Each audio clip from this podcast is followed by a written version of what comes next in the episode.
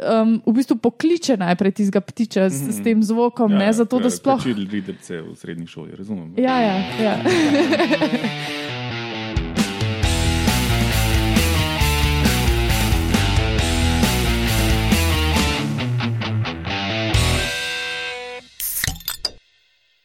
Lepo zdrav, poslušate 40. oddajo podcasta Metamorfoza, to je podcast o biologiji organizmov. Podcast gostuje na medijskem mreži Metina Lista, metinalista.si. Danes smo se zbrali klasična ekipa za mešalko Roman Luštrik, zdrav Roman. Živa. Pa Urša Fležar. Hej, žive. Pa Lauro in Alenka Rozman, naša gostitelja. Živijo. Jaz sem pa Matjaš Gregorič. Danes imamo spet en kup zanimivih tem. Eh, med novicami bomo govorili o hipermanipulaciji diabolične osice, pa o zakonitosti trga pri osah, pa potem pri ali ste vedeli o sodelovanju ptičev in ljudi. Vaški posebnež bo pa bokser oziroma pom-pom rakovica. Sicer pa to snemamo na, um, Današnji dan. na današnji dan. Ja. Ko Je, eh, na današnji dan, leta 2005, je umrl Ernst Walter Mayer. Uh, to je bil nemško-ameriški biolog, en od um, najbolj znanih evolucijskih biologov 20. stoletja. Pomembno je prispeval um, k tako imenovani moderni sintezi teorije evolucije, pa bil je tudi ornitolog, pa taksonom, uh, pa tudi uh, neke pomembne prispevke imel pri konceptu biološke vrste. No, in ker je metamorfoza lahkoten pogovor o pivu, in ker imamo pivo že odprto, in ker smo um, vse, kar smo hoteli, že povedali, vse ostale admin zadeve na koncu, najboljše, da kar začnemo.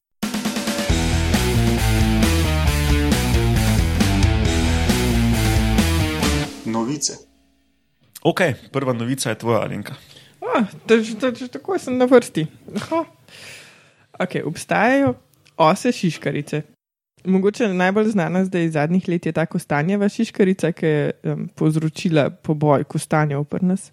Um, Drugače pa zajedajo ne vem, na bukvah, na hrastih, vse posod, v glavnem ne. Kako to zajedajo? Zajedajo pa tako, da izležejo jajca v rastlino in uh, ta rastlina potem naredi šiško. To so taki, ali so izrastki na listih, ali so bule na vejcah. Pač spremenijo, a se temu reče obnašanje. Spremenijo obnašanje rastlin. No, eh, spremenijo fenotip, se pravi, kako kak zgleda rastlina. Ne? Ja. Gostitelj. Da se pravi, namesto da bi normalen list naredile, pripravijo hiško z hranilnim tkivom, s katerim se potem hrani ličinka, a, ki živi, seveda, pol v tej hiški, in ko ličinka odraste, se pregrizne na svobodo in odleti. No, a, in obstaja ena vrsta ose šiškarice, ki se ji reče Basetija palida. No, um, in ta vrsta Basetija palida zaide na hrastu Quercus geminata. Ja, to, je, uh, to je tisti iz nekje iz jugovzhodne Amerike, uh -huh. zgleda na dera čuka, kakšna oliva. Ja, pa še prav ti um, želodi, ki so gor, zgledajo ful podobni olivam, res Ja. podobno. Listi, plodovi, tako res kot ne olivo gledajo. Ameriška oliva, samo da ni tako slastna. No, v glavnem, in te hraste je prav na Floridi opazoval gospod Scott Egan. In ker uh, se on ukvarja s temi zajedalskimi osicami, šiškaricami, si je odnesel veje sabo v laboratorij in jih je imel pol tam v kontejnerju na mizi. In čez nekaj mesecev so se po pričakovanju pač izlegle te oranžne osice, šiškarice, vrste baseta palida. Ampak opazuje pa, da se niso iz vseh šišk ven pregrizle, eni so ful nekako čuden obtičale, tako z glavo v lastni luknji, pa nekaj je bilo čuden. In ker za, za vsakim uspešnim moškim stoji pametna ženska, je pol na pomoč poklicu uh, Kelly Weinersmith, ki je strokovnjakinja za parazite. In pa sta skupaj prežagala te veje, um, hrasta. Aha, ženske mogo poklicati, da bo vejo prežal. Ja, on pač ni mogel. ne. No, in ko sta skupaj razžagala te hrastove veje, sta v, v um, šiškah od teh obtičalih os odkrila cimre, modre barve, ose. In sta jih imenovala Crypt Keeping Wasp. Ampak dokšno idejo, kako bi se to prevedlo. Totan grober. Ja, kript je Kripta. grobanca. So, mislim, da to ni čisto pomenka. Mislim, da originalno uh, so to neki podzemni prostori, v katerih so bile grobnice. Nekaj takega. Aha, ok. Meni se zdi. No. Sam to ni več ena beseda, tako da je težko pa to uporabiti za prevod. ja, v slovenščini. Ja. No, ok, torej modre ose. To je bila seveda pol nova vrsta za znanost. Uh, in pač potem sta seveda, ker je to oh, full exciting nova vrsta, uh, še raziskala življenjski krok te modre ose.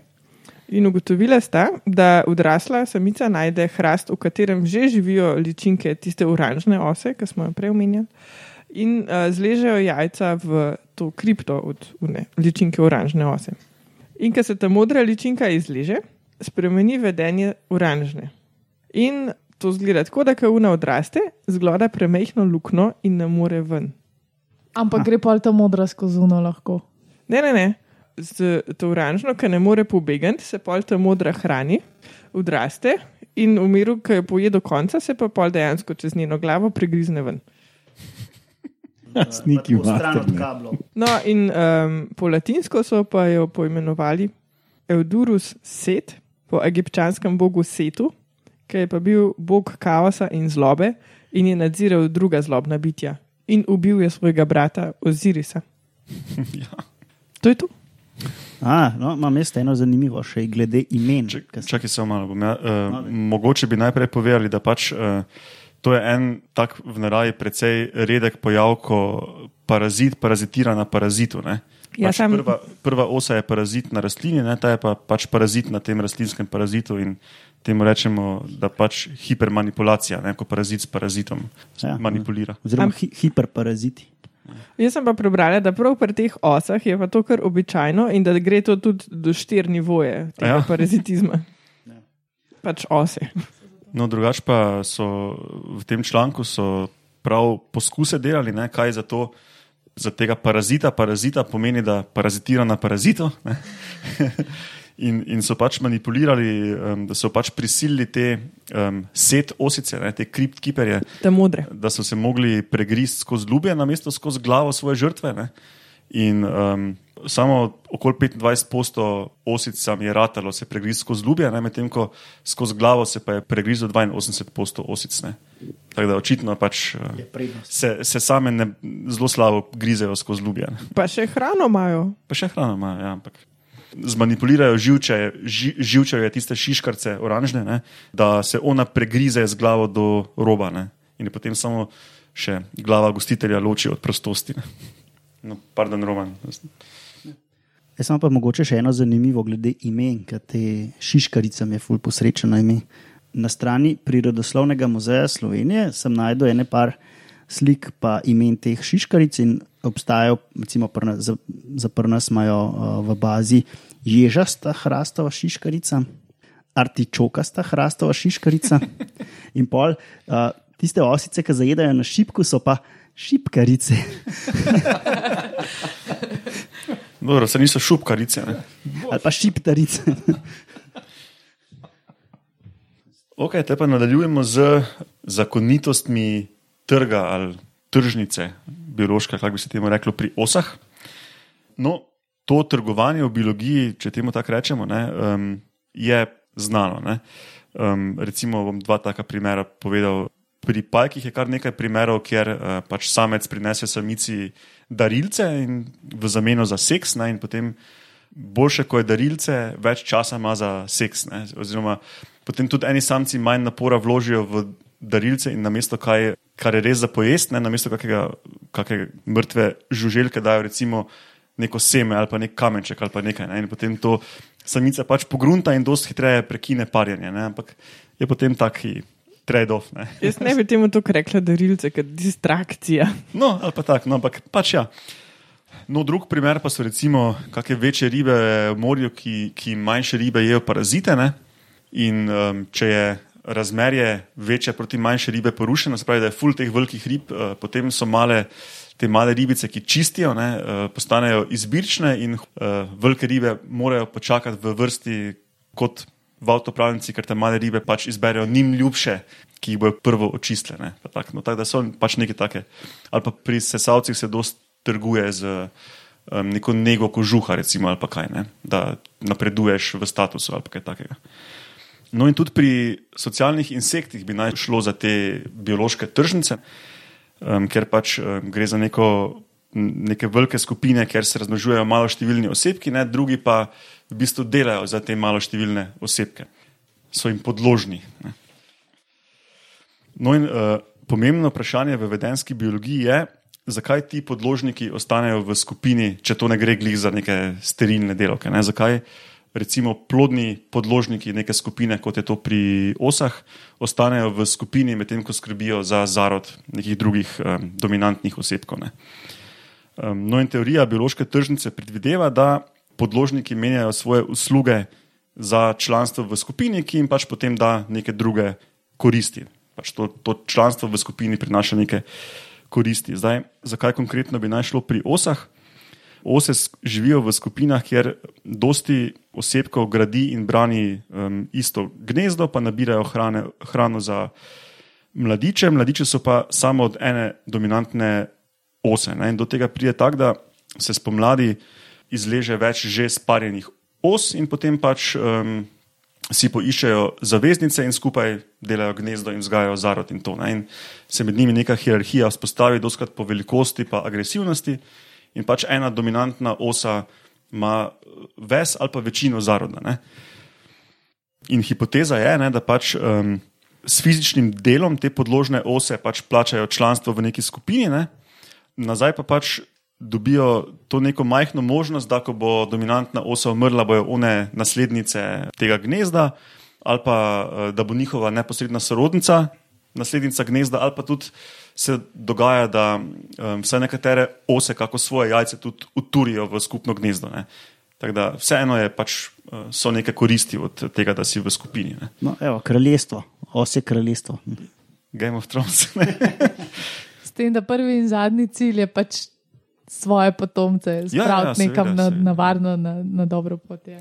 No, in nekaj eh, raziskav, tako splošno bioloških tržnic je večinoma na sesalcih in večinoma um, znotraj ene skupine so pač gledali, kako se tredajo.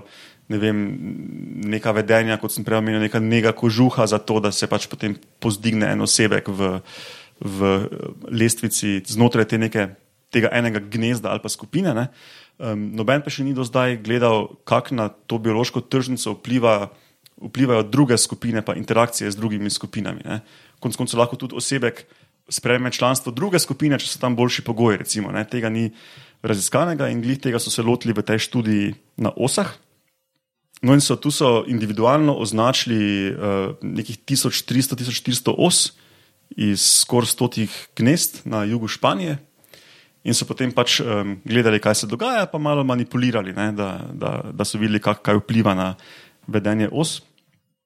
No, in najprej so potrdili, da te ose imajo izbiro, kateri skupini bodo pripadale.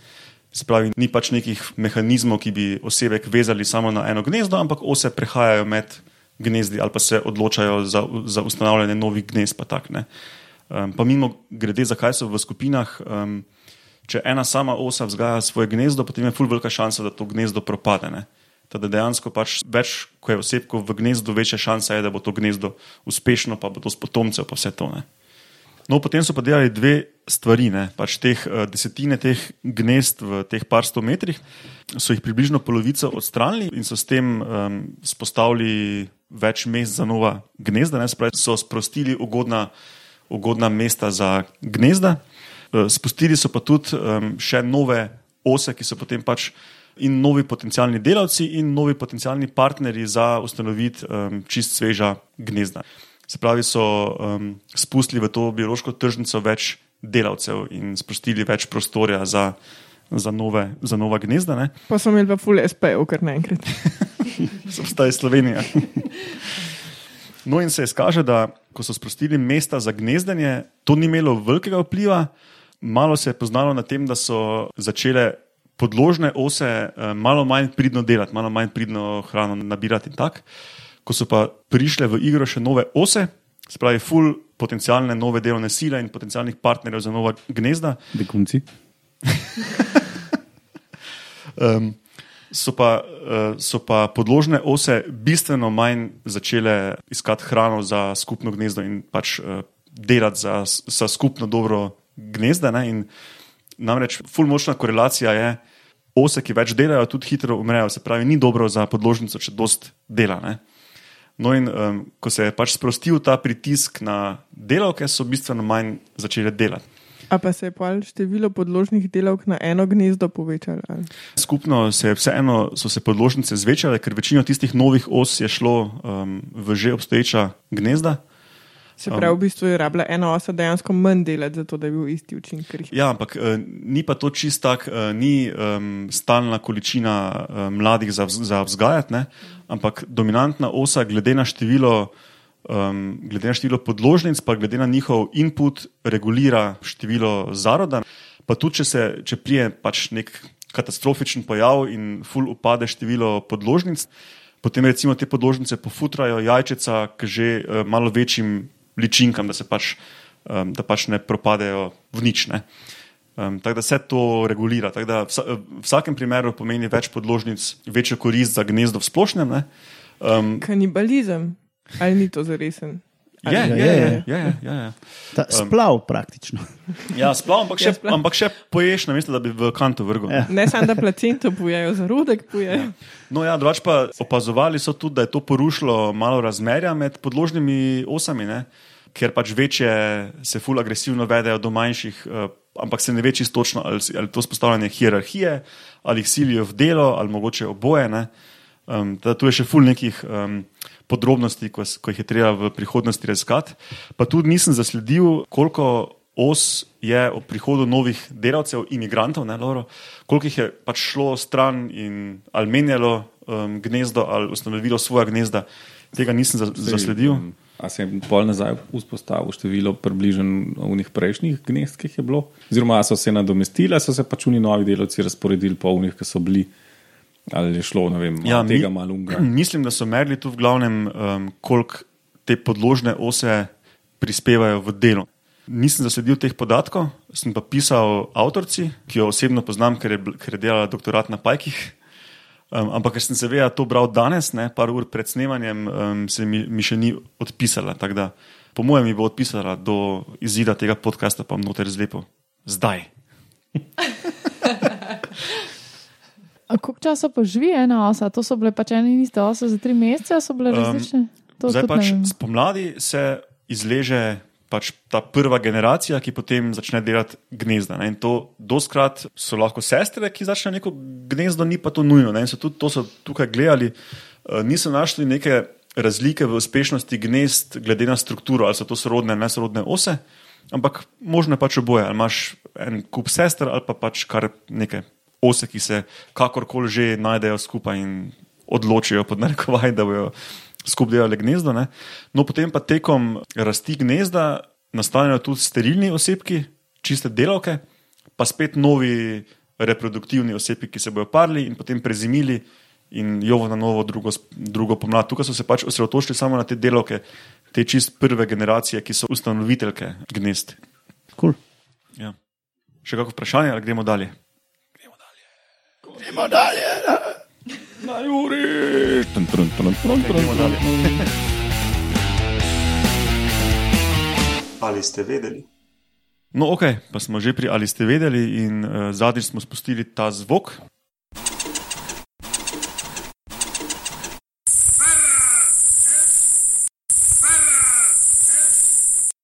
Lauro je že uh, skoraj prav ugibal, da je to nek ptič in nek tip, ki goni onega ptiča, pa bo zdaj Urša o tem več povedala.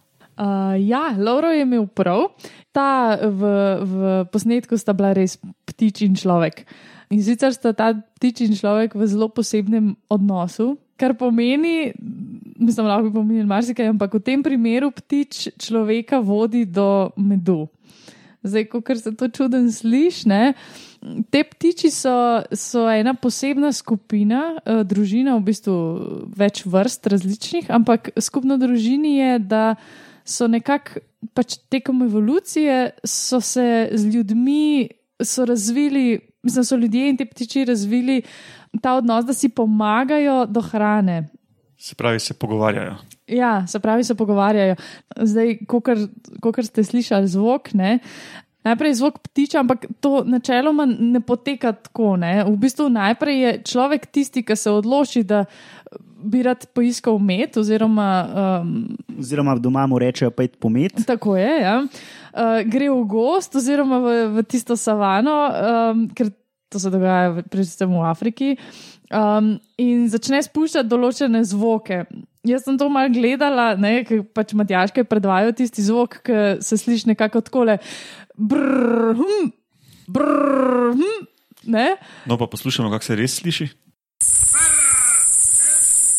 Tisto, kar sem jaz poslušala, je iz Mozambika. Zdaj, možno, da je to iz Kedargije, ker sem ugotovila, da. Um, Pač, ker različne, so različne vrste teh ptičev, ki se pojavljajo po celi subsaharski Afriki, in to je eno ogromno območje. Ne, in seveda so tudi ljudje različni, oziroma um, okolja, v katerih te ptiči in ljudje sodelujejo, različna. In so tudi potem ljudje, seveda ne rečejo vsi tega, ne, ampak kašni, kašni ljudje uporabljajo drugačen zvok, kašni, mislim, kašne skupine v Kongu, naprimer, kašne skupine v Mozambiku drugače, kašne skupine v Keniji drugače. ne. Uh, tako da zdaj sicer ne vem, kje je bil zvok, ampak tisti, ki sem ga jaz slišala, je bil tako, kot sem ga jaz povedala. Ja, to, ko sem jaz dal link, to študijo so delali lani pač v Mozambiku. Ja, je, pa to, je pa ta pojav že znan, dolgo pa razširjen um, v več regijah. Ja. ja, ja. Pa mislim, da so neke lokalne fore, pač več vrst, pa več lokalnih plemen ima različne klice. Ja, Ja, Ampak pač ja. to študijo so pa delali v, v Mozambiku. Ja. No, in tudi, če, pač, če gre nekdo googlati te stvari, bo, bo v bistvu slišal, da so z različni zvoki, tudi pač ptiči sami. Bomo dali dva različno, linka, ja, ja. se bo to videlo. Ja. Ja, Ja. ja. Torej, to več različnih vrst, vrst ptičev dela. Ali... Skupina so honey guide ali indicator birds. Ampak poanta je, da skratka, človek, uh, ko pride v gost, pove ptiču, da je zdaj v gozdu in da rabi njegovo pomoč. Ne? Ker ptič edino ve, kje je čebeljak, oziroma pan, ne? to niso čebeljaki, man-made čebeljaki, ampak so panji. No, in uh, kar je zanimivo, ne, se ta pogovor med, med človekom in ptičem nadaljuje in spremenja, ko se, ko se bliža ta panju. Um, tudi ptič spremeni svoj način oglašanja, ko je bliže panju. Ne, kot da bi človeku govoril hot, hot, hot, se pravi, uh, se pozna. Hladno, hladno, toplo, toplo, Ja. vroče, vroče, Tako, vroče. tako, tako. Ja, in takrat, mislim, zato, da človek dejansko ve, kje je zdaj, ne, da se mu ni treba več premikati, ampak to je to drevo. In um, pa so pa že neki znaki, ne sicer panj ponavadi je skrit v deblu oziroma v duplu, ampak so že, to zna že človek prepoznati, da tam je pa pan. Ne? Kul, kul, to pa je res. No, in ko skupno najdete tisto drevo, v katerem je pan, um, je v bistvu naloga ptiča končana, ne? kot honey guide. Ptič je uh, guidal človeka do honey, se pravi, je pripeljal človeka do medu. Um, in potem človek does his magic, um, se pravi, ponavadi ima sabo neko orodje, sekiro, kakorkoli, da lahko dostopa do tega panja, ga zreže ven. Pri tem je pa zelo pomemben moment to, da človek zna narediti ogenj in stendim. Ker afriške čebele, mogoče že veste, so izredno agresivne, napadalne ne, in branijo tisti svoj pan zelo, zelo, zelo vneto. In to so tudi, ko so raziskovali to sodelovanje in kako in zakaj in kdaj se je vzpostavilo, v bistvu zdaj načeloma velja, da, oziroma velja, predvidevajo, da se je eh, začelo to sodelovanje med človekom in temi pticami takrat, ko je človek odkril ogenj. In to bi lahko bilo tudi 1,9 milijonov let nazaj, oziroma v času Homo erectusa. To je bil prvi hominid, ki je začel uporabljati ogenj. Ne? Zato, ker dejansko z, z uporabo ognja in, in dima, ki prihaja iz tega ognja, ti imaš možnost, da čebele mal pomiriš in dejansko dostopaš do. Tega medu, oziroma panja, ne, ki ga one drugače branijo. Tako da, glede tega sicer še ni čist jasno, ne, ampak predvidevajo pa, da je bil to en izmed ključnih um, človeških last, mislim, lastnostnih znanj, ne, ki je pomagal, da je to sodelovanje se obdržalo oziroma sploh vzpostavilo. Tako da, če se vrnemo nazaj k naši situaciji, ne, človek pač eh, ve drevo, v katerem je pan, sekiro uh, pride do, do samega panja, um, zraven zakuri, da čebele malo mami, še vedno jih najbrž orang fasa, ne, ampak faše, ampak dobro, pač med dobi. Potem pa ptiču mora valjda eno nagrado pustiti. Ne? In to je ponavadi vosek z, z ličinkami noter, ne? Ka se, s katerimi se ptič prehranjuje, ker je ne, vse jed. In jim pustijo nekatera, nekatere skupine ljudi, oziroma plemena, kot je to ponovadi v Afriki, jim celo tako ceremonialno zložijo ta vosek z ličinkami na kakšen aranžma listov, rastlinskih ali pa cvetlic ali pa kaj tasga. Ta, ta tradicija oziroma to, ta odnos je res nekaj posebenega. No. Meni se je zelo dopadlo, no, ker so v tem članku, ki je bil v angleščini napisan, so zaključili s stavkom: Overall, a pretty sweet deal. Ne? Um, Pun, pun intended. pun intended. A si slučajno pogledala, um, poleg človeka, še s kom sodeluje ta ptič?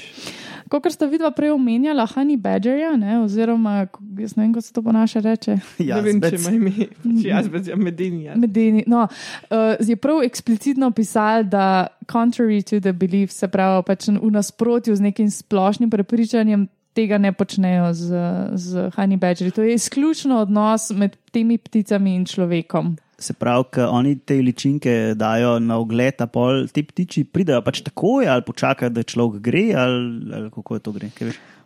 Ne, v bistvu ne vem. Sicer slike je bilo veliko, ki so jih držali v rokah, sem to se lahko tudi domrežali, ne, pa tega ali pa pol sledili. Ampak po moje, jaz mislim, da nimajo neke negativne iz- izkušnje s človekom, da bi se bal približati. Ne. Ni tako, da bi na, ramam, na ramah sedeli, ne pa žvrgoleli, ki bi oni se približali drevesu. Ja. Ampak um, to, to v bistvu ne vem. No. Sem pa mal pol še gledala. Um, O samih, o samih pticah, no, kakšne so, in to je nek tak čist in, insignifikanten, mali rjavi ptič, tako zgleda, čist nič posebenega, eh, velikosti neke navadne ptice, pevke, kot so pri nas alataščice in podobni, ne, take sivorjave barve. Um, kar je pa mi bilo še posebej zanimivo, je pa njihova, um, njihova razmnoževalna strategija. In sicer so, uh, izkaže se, da so paraziti. Ne? Oni so tako kot kukavce, naprimer, uh, svoje jajca polegajo v gnezda drugih ptičev, oziroma prednjih izvalijo. No, kako se temu reče. Uh, Preden jih izvalijo v tuje gnezda, najprej odstranijo popolnoma uh, jajca ali pa goliče, ne? imajo celo še posebej zašiljen klun, za katerega predvidevajo, da je tudi ta namen, da lažje predrejo jajčno lupino ali pa pač tistega goliča potamanijo, pa ga vržejo iz gnezda, preden svoje jajca not izležejo. Tako da so, uh, so tudi iz tega vidika kar posebne no? sku- skupine. Prej, prej nisem čisto dobro razumel, ker sem jih nekaj razmišljal. Um, ali pa nisem, no, se vsem. Torej, eh, imajo te tiče doma, ali se pač na ključno srečata v gozdu, pa si uinkneta, hej, greja pomet. To je drugo dejansko. Ja. Ja, e, to, je, to je v bistvu edini primer znan ne, s temi uh, mislim, s sodelovanjem človeka in živaljo, ki je žival popolnoma divja, ja, prosto živeča. Niso zdresirani, udomačeni ptiči, Ne, ampak pač niso tako, kot prašiči, ki ti najdejo tartufe, ne? Ampak so dejansko divji, oni živijo tam v tistem gozdu, kakorkoli. In vse zato pa sem rekla na začetku, ne, ko človek pride v gost, oziroma eh, tja, kamor, kjer bo iskal med, um, v bistvu pokliče najprej tistega ptiča s, s tem zvokom, ja, ne, zato da sploh. Učili videti v srednji šoli, razumem. Ja, ja, ja. Tako. Okay. Uh, preden gremo na vaše posebne, že ravno kar mi je odpisala Lena Grenstedt, ki je prva avtorica onega članka o biološki tržnici pri osah, da lahko zdaj razložimo tiste naše vprašanja odprej. Dajmo Zdaj smo prej razložili, kaj je Matjaš tako zlepo. Ne, vsem kar pusto. Okay, uh, na naša vprašanja tako odgovarja, da tiste ta nove ose, tisti imigranti, ne, si, ki so jih spustili v okolje, so ne ve procenta, so pa v veliki večini začele nova gnezda, niso se pridružile um, že obstoječim, to sem se zmotil. Tudi ne ve točnega procenta, ampak približno 15% tistih, ki so pa že bile v gnezdih, so šle okoli malo gledati, kakšna so pa druga gnezda, ne? ampak pač oni so se os- osredotočili na delo, ki ga pač prispevajo v, v gnezdo in so samo to merili. Um, tako da se ne spomni točno um, procent, ki jih je pa dejansko menjal gnezdo za neko drugo, bolj ugodno. Recimo. Um, pravi pa, da se, gli, da se njen naslednji članek glih s tem ukvarja, um, kaj jih pripravi do tega, da menjajo gnezdo, kakšni pogoji, ki so, eh, pač, ki so boljši v novi skupini. da se priključi novi skupini. Ja, verjetno kolektiv, pa uh, dopust, pa Regres. regres, pa plača, pa uh, variabilen delovnik. Ok, pa lahko gremo zdaj na vaškega posebneža. Ne?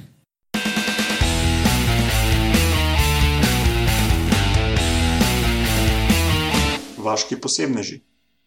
Vaški posebej, ali sem to jaz? To si ti. Ja. Aha. Evo, danes smo končno v morju pristali. No, danes bomo govorili pa o rakovicah. Te rakovice najdemo na koralnih grebenih, reče se jim latinsko Libija, ne zamenjati z državo, ker nima koralnih grebenov. In morsko veternico z, uh, z, v rodu Alicija. Z angliškim imenom Gaddafi, kreb. Krep. Pa veternico Alicija v čudežni deželi. Ja, um, če bomo tako naprej šli, bojo res v, sam še v čudežni deželi, ker koralni grebeni so relativno ogroženi habitati na svetu. No, ta, ta konkretna študija je potekala v Rdečem morju, kjer je sploh štala, eh, ker zaradi turizma degradirajo obalo in uh, v Rdečem morju so pa koralni grebeni samo ob obali. In, in je dost um, unič, uničujejo to strukturo teh grebenov, in pač zadeve izumirajo. No, in ta rakovica in te veternice živita v takem uh, tiho žitju, s tem, da ta rakovica nosi te uh, majhne veternice na kleščah. In zanimivo je, da te, teh veternic na- načeloma ne najdemo prosto v naravi, tako da bi, da bi rakovica prišla, pa jo pobrala, pa si jo dala na klešče. Ne. To ne vejo sicer, kako jih dobijo, ampak uh, Od sosedov, zihar. to, to bom še omenil, ja, to zihar tako, ampak uh, verjetno obstaja nek divji izvor, ampak uh, vprašanje, ko- do kere mere. Tudi tega se bom dotaknil, Alenka. V bistvu gre za neko vrsto, neko vrste simbioze in ni čist jasno, zakaj bi, kaj bi veternici to koristili. Um, najprej so mislili, da gre mogoče za to, da rakovica pomaga, da več hrane dobi, ker pač recimo, da se prehranjuje rakovica in pa gre nekaj hrane k tem veternicam. Ja, te veternice rakovice uporabljajo za zaščito pred ne, napadalci, ker pač te veternice imajo v sebi take celice, ki imajo noter puščice in zelo lahko, zelo bolijo. Pa ful simpatičen zgleda, bomo Zelo luštno. do YouTube videa. Ja, ja, to so zelo lušne zadeve. Rakovice namreč. Ja, pač ne imenujejo jih uh, za ston pompom rakovice. Ja, ali pa boxing crab. Pa box, boxer crab. Ja. No, so mislili, da gre za to, da recimo veternica dobi to hrano, ampak se izkaže, da je- rakovice v bistvu jim trgajo hrano stran in se v bistvu vzrejajo en tak bonsaj veternice na svojih kleščah, se pravi, da jih hranijo jih to, kar rabijo, ne pa preveč, zato ker. Um, se bom že dotaknil prvega eksperimenta. Gledali so recimo velikost raka, oziroma rakovice, in velikost veternice, se pravi, ne, premer uh, te noge, in se izkaže, da je tako lepa, lep odnos, se pravi, večji je rak, večja je ta veternica. Ja, seveda, ker ima pa več placa, da se na večjem No. raku, ki ima večje klešče, večje zraste Pa, vetrnice. pa drug konc je, ne, če bi imel premajhen rak, preveliko veternico, bi težko hodil, kol pa ne, ne bi bilo tako akvadinamično.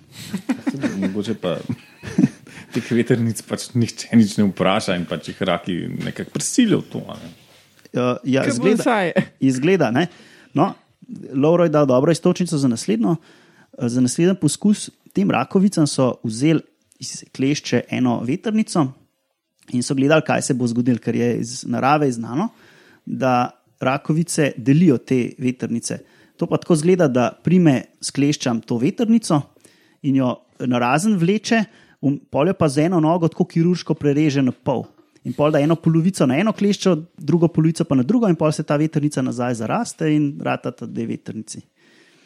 Zakaj si pa ne da po eno na vsako nogo? pol? Ja. Sam, ki ima že eno, bi jo lahko tudi tako prerezala na Misliš več na hodalne noge? Ja, ja. Ali pa še na trup, kašno. Ne, ne, ona ima na kleščah prav take kavelčke, kamor to gor da. Tako da to ni kar tako, da bi si načelo dal eno. Pa, Ja, to pa nisi povedal. ja, nisi vprašala.